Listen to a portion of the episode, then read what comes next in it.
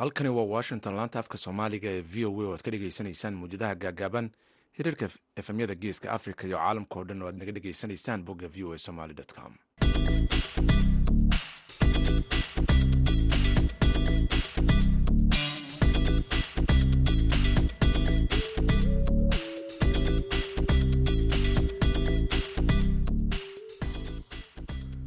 duur wanaagsan dhegeystayaal idilkiinba meel kastoo aad joogtaan. Waa maalin khamiis ah saddexda bisha agost sanadka idaacadda duhurnimo ee barnaamijka dhallinyarada maanta waxaa idinla socodsiinaya anigoo ah jamaal axmed cismaan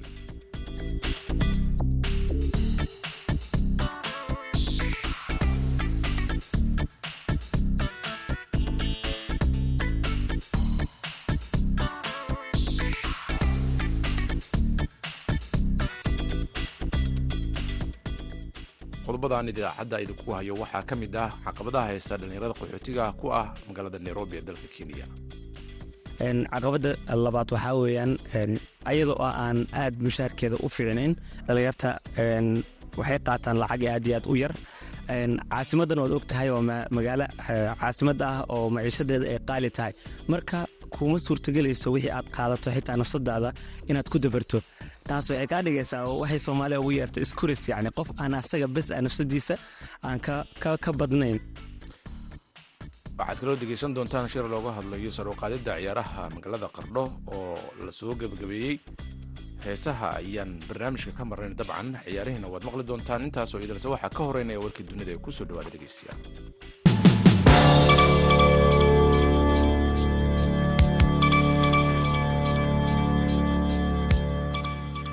madaxweynaha mareykanka jo biden ayaa khamiista maanta ku baaqay in si deg dega loo soo daayo madaxweynaha la doortay niger moxamed bozum iyo in la ilaaliyo dimuqraadiyadda waddankaasi. Waxaan ku baaqayaa in madaxweyne bozum iyo qoyskiisa si deg dega loo sii daayo lana ilaaliyo dimuqraadiyadda niger ee adag ayuu biden ku yiri hadal uu soo saaray. Dhanka kale dowladda faransiiska ayaa khamiista maanta sheegtay in qof ay ka soo duulisay dalka niger. Xilli howlgalka daadguraynta ay ka soo afjareen dalka ku yaalla galbeedka africa ee afgembigu ka dhacay. Wasiirka gaashaandhigga sebastian lacruno ayaa bartiisa twitterka ku sheegay in dalka dadka faransiiska iyo ajaanibta ah ee la daadgureeyay hadda bad qabaan. Milatariga niger ayaa afgembiyey dowladdii doorashada ku timid dalkaasi maalmo ka hor. Ra'isul wasaare ku-xigeenka dalka etoobiya demeke meconon ayaa sheegay inuu ka walaacsan yahay rabshadaha sii kordhaya ee ka socda gobolka waqooyiga maxarada kadib markii ay isku dhaceen ciidamada federaaliga iyo dagaalyahanno deegaanka taasoo keentay in britain iyo spain ay soo saaraan digniino dhinaca ammaanka. Go'aanka ay dowladda federaaliga bishii abril ku gaartay ee ahaa in la burburiyo ciidamada gobolka ay dhisteen dowlad goboleedyada qaarkood ayaa sababay mudaharaadyo rabshado wata oo ka dhaca gobolka maxaarada iyadoo qowmiyadaha maxaaradu ay ku andacoonayaan in tallaabadan ay wiiqayso gobolka labaad ee ugu dadka badan etoobiya gelinkii dambe ee arbacadii ra'iisul wasaare ku-xigeenka demeke ayaa sheegay in dhibaatooyinka amniga ee deegaanadaasi laga soo sheegayo gaar ahaan gobolka amxaarada ay noqonayaan kuwo welwel leh. Waxa uu sheegay waxaan si joogtaahi waxaanu joognaa buu yiri wakhti taariikhi ah oo ay tahay inaanu ku baraarugno xaqiiqda. Haddii aadan nabad helin wax walba waad weyn doontaa ayuu soo dhigay facebook isagoo sheegay isagoo aan shaacin inaan iraahda dhinacyada ku iska horimaadyada afhayeenka ciidamada etoobiya gadnet adane oo shir jaraa'id qabtay toddobaadkan ayaa sheegay in dagaalano sheegtay inay ka tirsan yihiin maleeshiyaadka deegaan nafano ay mas'uul ka yihiin rabshadaha dhacay. Warkii dunida dhegeystayaal waa nageyntaa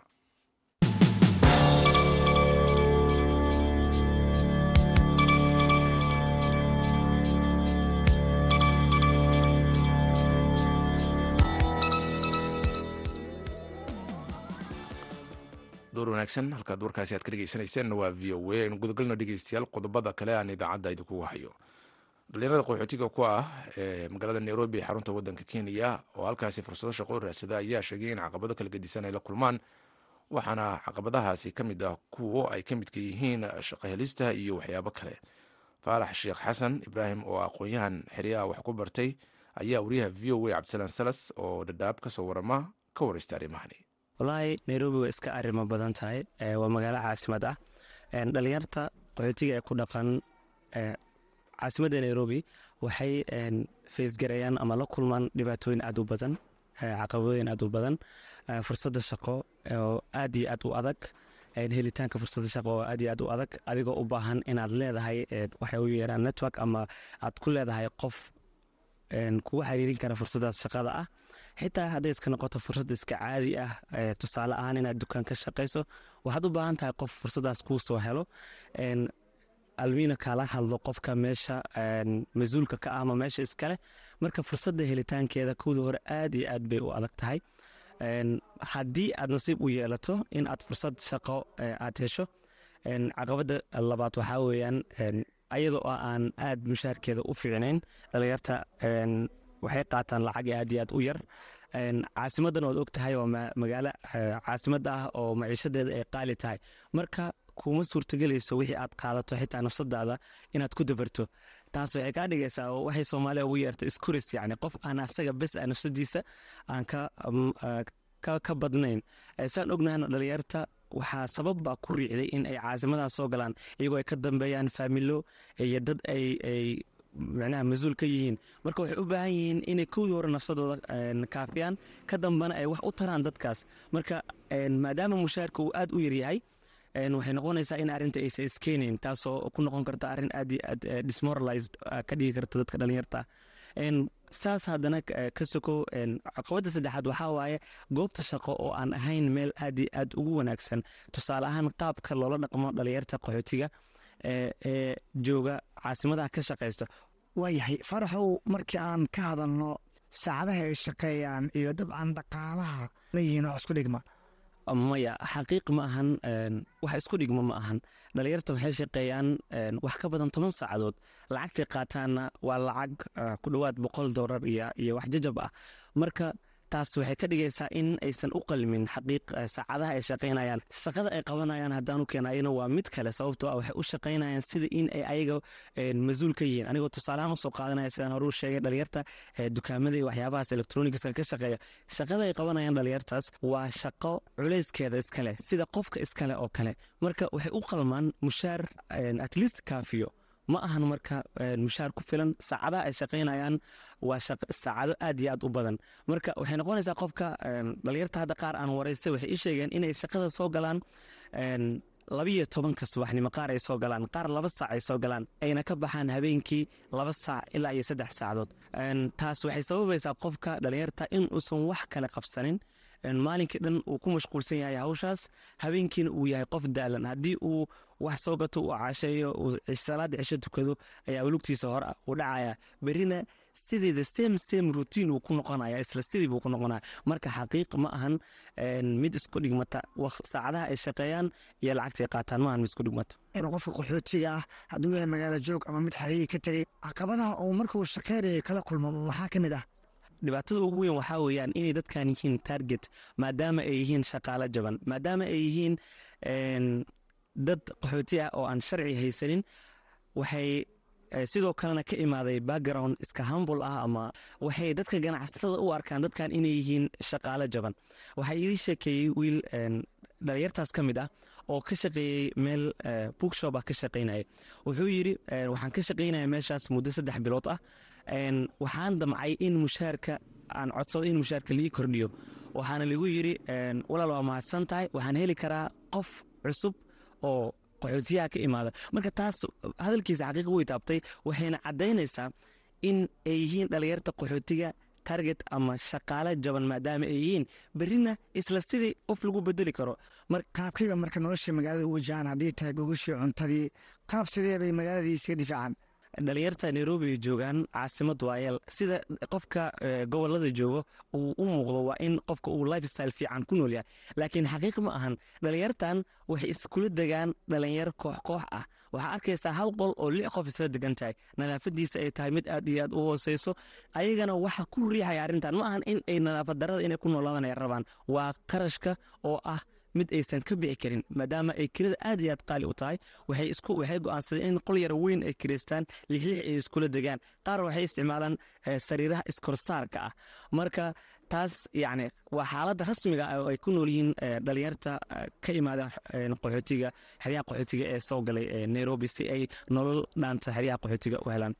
Caqabadahan aad sheegtay inay wajahaan dhalinta qaxootiga ah qaabkee bay kula tahay in ay uga dabaalan karaan oo xal u ah saan u sheegay ayaga ahaantooda inay wax badan sameeyaan way ku adag tahay. Sababtoo ah haddii ay dhahaan ama gadood ay ka sameeyaan ama mudaharaad ka sameeyaan ama ayba shaqa joojin sameeyaan waxaa jira tiim kale oo daraad iyo shalay soo galay oo booskooda toos u buuxinay tahay xaqiiq waxaan aaminsanahay inay ganacsatadu wax badan ka qaban karaan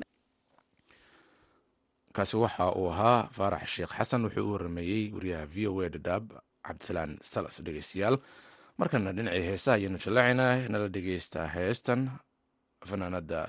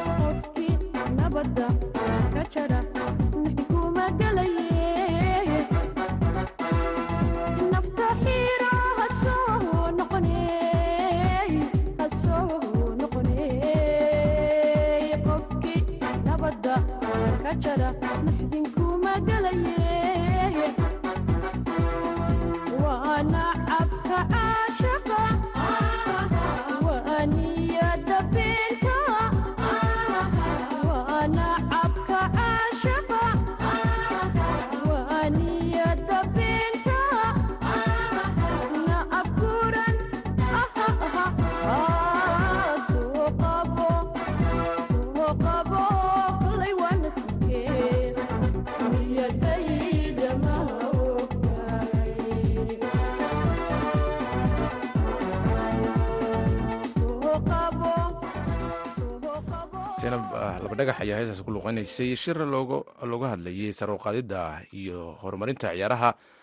Magaalada qardho ee puntland ayaa lagu soo gebagabeeyey magaaladaasi. Warbixin arrintan ku saabsan waxaa soo diray wariyaha v o a yuusuf maxamuud yuusuf.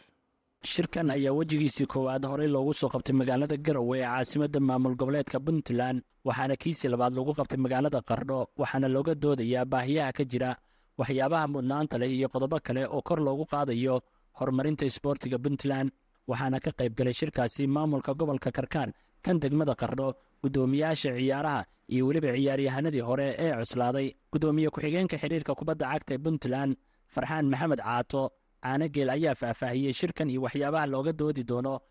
Mudanayaal iyo marwooyin sidaa la socotaan shirkan waa shirkii labaad oo lagaga doodaya siyaasadda sportska puntland sidaan la soconno afar laatan sanay jirtaa maalinba state maalinba heer baa la soo joogay.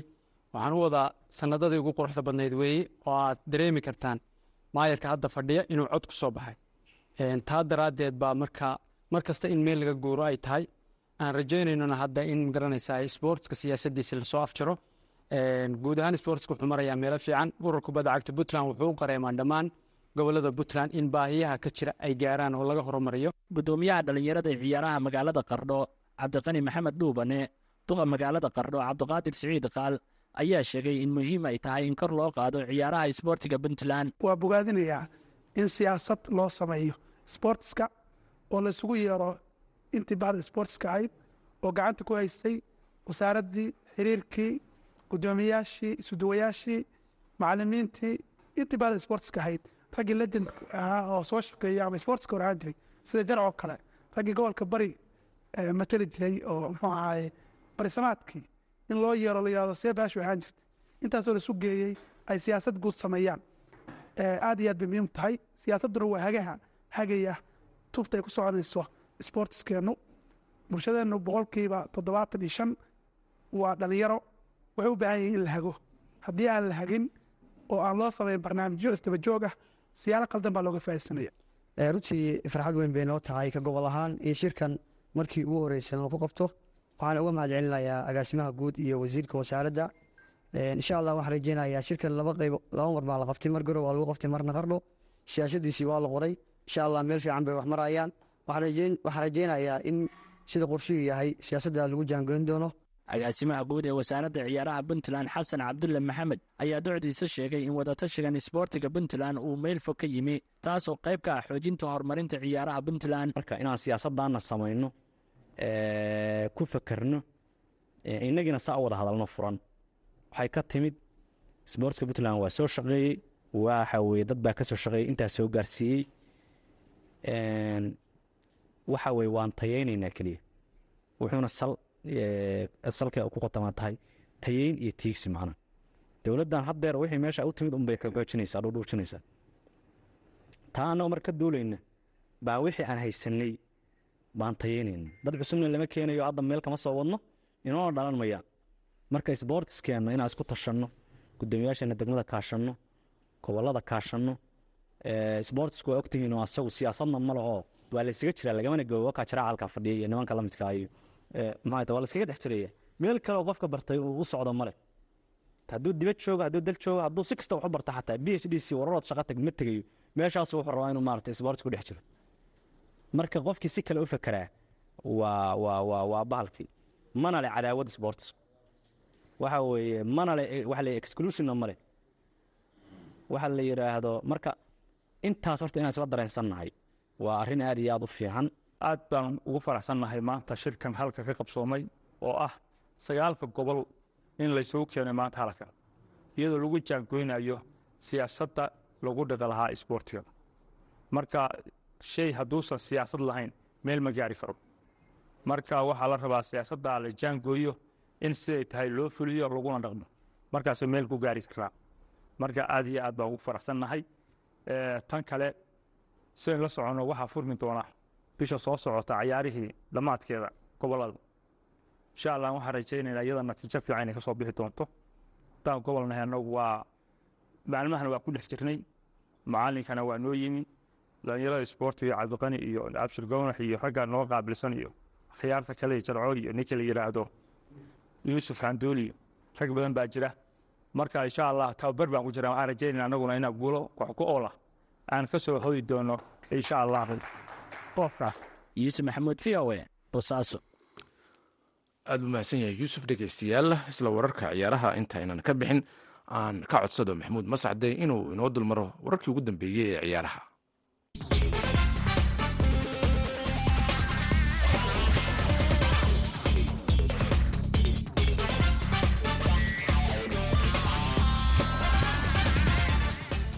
kuna wanaagsan dhegeystayaal dhammaantiinba kuna soo dhowaada xubinta ciyaaraha.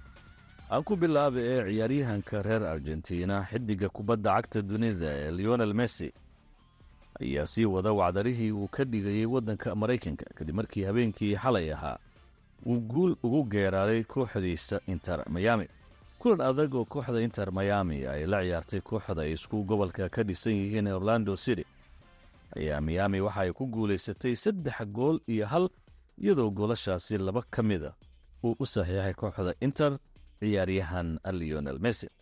Leonel messi ayaa u safanayay kooxda inter miami kulankiisii saddexaad waxa uuna saddexdaasi kulan isugeyn dhaliyey shan ciyaaryahan leonel messi ayaa tan iyo sida ugu soo biiray kooxda kubadda cagta inter miami.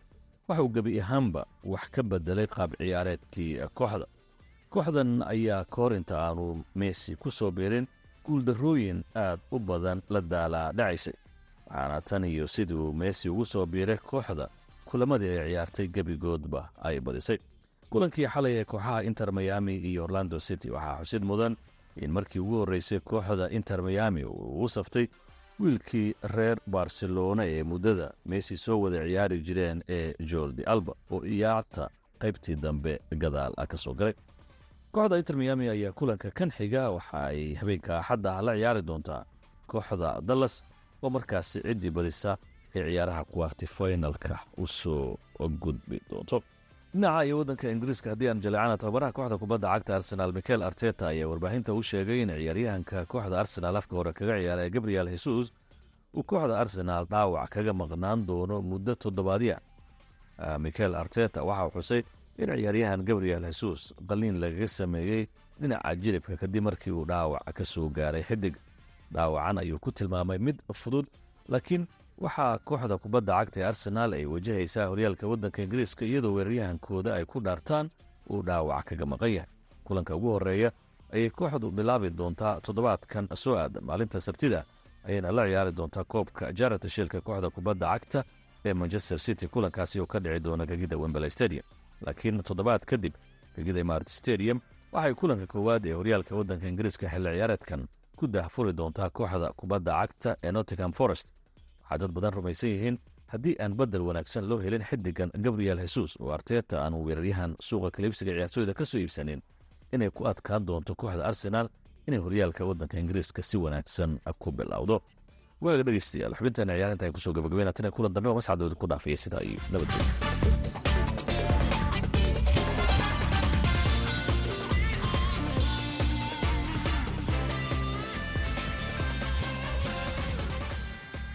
aad buu mahadsan yahay mascadda dhegeystayaal dhinacii ciyaaraha halkaas haddii aynu kaga tallowno markana dhinacii heesaha fanaanka cabdijabaar alkhaliiji heesta samir ayaan idin soo qabanaya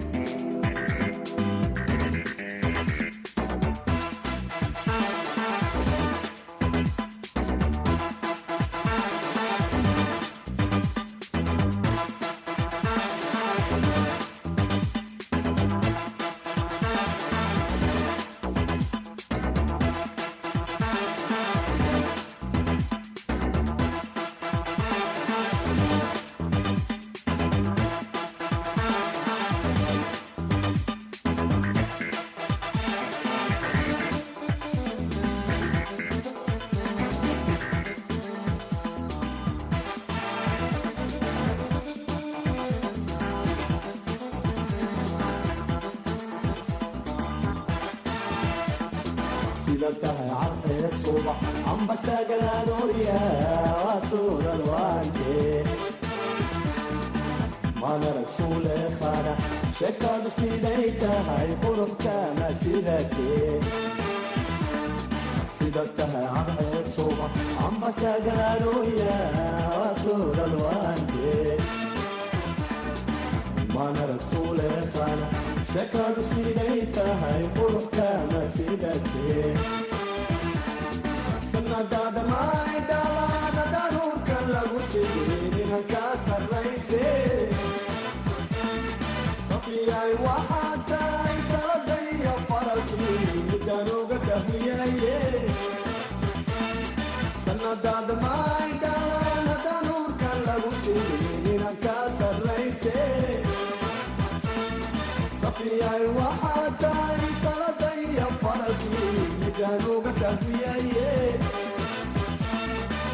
hadduu saamin wax tarila amba uusan noqola muddan ku samraaye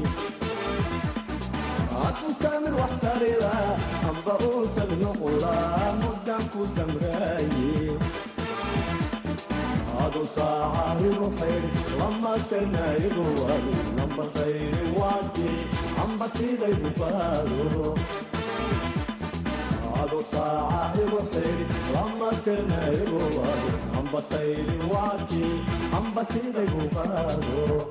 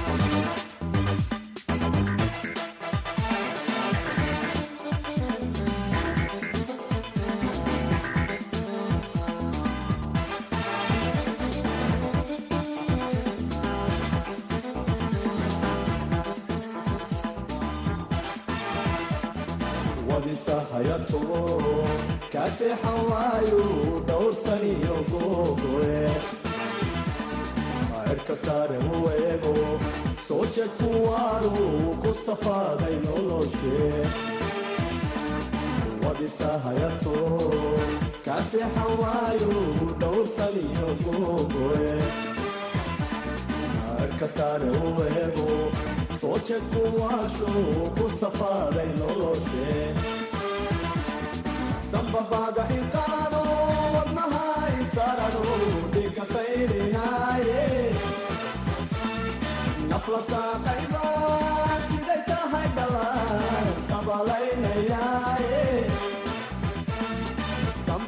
sambabada inqaado wadnaha isarano dhiga sayrinaaye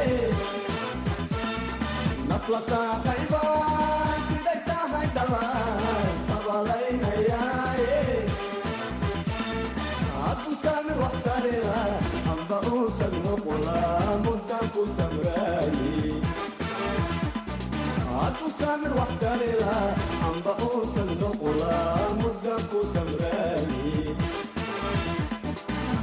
saaca igu xiri ama sirna igu wadi amba sayri waati amba sidaygu